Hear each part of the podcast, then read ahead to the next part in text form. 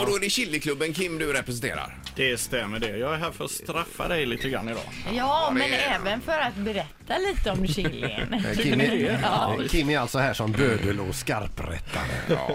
Men vad har du för roll i Chiliklubben? Är det någon typ av chef där då alltså? Nej, Eller? absolut Nej. inte. Vi är ett gäng på fem stycken som kör den här chiliklubben på eh, Facebook då. Och Okej. det är 4 500 medlemmar. Just det. Men vadan detta intresse för starka frukter och chili? Jag tycker det är gott. Ja, Ja. Och det är kul att odla. ja. Det är lättodlat. För du odlar själv då. Jajamän. Men hur många olika sorters chili finns det?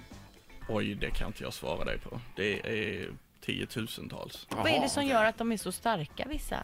Det är capsaicinet i chilifrukten som gör det. Och det mäts då på den här Scoville-skalan som du pratade om tidigare. Men ge, alltså gör man någonting med växten eller för att få den så stark eller det finns de, de är naturligt så starka? Det finns naturligt i frukterna. ja. Men du, alltså den här Scoville-skalan, det som eh, du, du nämnde här nu, är det, uppfattar eh, kroppen att den blir brännskadad eller? Det är väl den, att, den känslan rent fysiskt som händer så Mm. är det en brännskada. Men du bränner dig ju inte på riktigt. Nej. Nej, nej. Men alltså det, det är ju eh, ett- bara att hantera eh, chilin, alltså den är så stark så det känns ju där. Jajamän, jag hanterar aldrig chili utan gummihandskar. Det gör du inte, Mm. nej. Okej. Jag- Jag har, jag har en kompis som eh, hittar på massa olika grejer. Så fort vi har fest så, så händer det saker och ting runt omkring honom. Vid det här tillfället så hade en granne gått och hämtat en sån här jättestark eh, och så skulle han smaka på detta. Kände ju ingenting till att börja med. Sen kom allt på en gång och det var fruktansvärt. Han hade ju hanterat detta med händerna. Ja. Och sen efter att ha sprungit runt huset och druckit allt möjligt för att bli av med skiten så känner han att han måste gå på toa. Ja. Ja, det ska man inte göra Och eller? håller i Nej, paketet det- med de här chilifingrarna Det då? är inte bra alltså. Nej. Alltså. Det är ingen skön känsla. Nej. Aj, aj, aj. Jag har Pratar provat. man med folk i restaurangbranschen så har det hänt alla någon gång. Eh, sådär. Vad- Hur länge måste man vänta då innan man går på toa menar du? Eh, beroende på vilken chili du har hanterat. Men tvätta händerna med olja exempelvis. Alltså det är för att det Ja, Det- vet Du ska man ju, inte hålla i den alltså. eh, för det vet man ju när man har hållit på och hackat chili. Mm. Vanlig, nu snackar jag om vanlig så här i- Ja. i affären eh, chili, inte de här superstarka. Mm. Då kan jag tycka att så fort man bara skär första gången i så känner man att det bara retas i halsen fast man Ja. inte ens äter den. Det är ju så otroligt starkt alltså. Ja, de luktar ju väldigt mycket och alltså man skär upp dem så det drar in i näsa och ögon och överallt. Men om vi då jämför med en vanlig röd chili som vi köper i affären som man kan ha i chili con carne och så vidare va? Eh, vad ligger den på en sån här skala som du pratar om? Ja, vad ligger den på? Runt mellan 30 och 100 000 ungefär. Eh, Okej, gör den. Och den värsta du har med dig idag är vad då?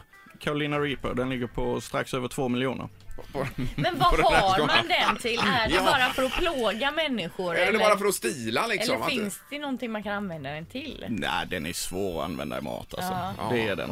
Alltså, skulle man mot förmodan använda en sån i mat så får man ju dela den på hälften, stoppa ner den i sin gryta, vänta en liten stund och ta upp den igen. Du kan ju inte låta den koka med, det går inte att äta. Det går inte. Men det verkar vara lite inne också där Kim med stark mat. Att det finns massa olika föreningar som håller på med någon typ av, ja det är soppor som är starka och det är liksom allt möjligt. Ja, ja, det är ett gigantiskt intresse för Ja det här. Mm. är det ja. Och att Det är man det. liksom tävlar i att hitta och äta det s- starkaste. Ja, ja, visst är det det. Det, har, det är ju inte riktigt min grej att bara sitta och plåga mig själv, utan jag föredrar ju att ha det i mat. Och du berättade också hur det kändes att smaka på den här värsta du hade med dig, Reaper eller vad hette den? Ka- Carolina eh, Reaper. Reaper. Ja. Ja, det gör ont. Men Liksom- alltså på vilket sätt gör det ont i munnen när man har frukten eller? Nej, alltså det är ju som att få en planka i ansiktet, Ja, ungefär. alltså det, det är det är ingen ont i hela skön känsla. kroppen. Ja, v- från eh, magen uppåt är det. Och, och du, du, eh, du skar precis upp en eh, väldigt stark eh, chilifrukt som ligger på 1,7 miljoner eh, på Stämmer. S- Scoville-skalan här. Ja. Och det känns ju, alltså, m- vi känner ju här i, i luften här inne Jajamän. att det är något eh, skumt. Att man Visst luktar det blir gott? s- svettig blir man redan här. Ett poddtips från Podplay. I fallen jag aldrig glömmer djupdyker Hasse Aro i arbetet bakom några av Sveriges mest uppseendeväckande brottsutredningar. Går vi in med hemlig telefonavlyssning och, och då upplever vi att vi får en total förändring av hans beteende. Vad är det som händer nu? Vem är det som läcker?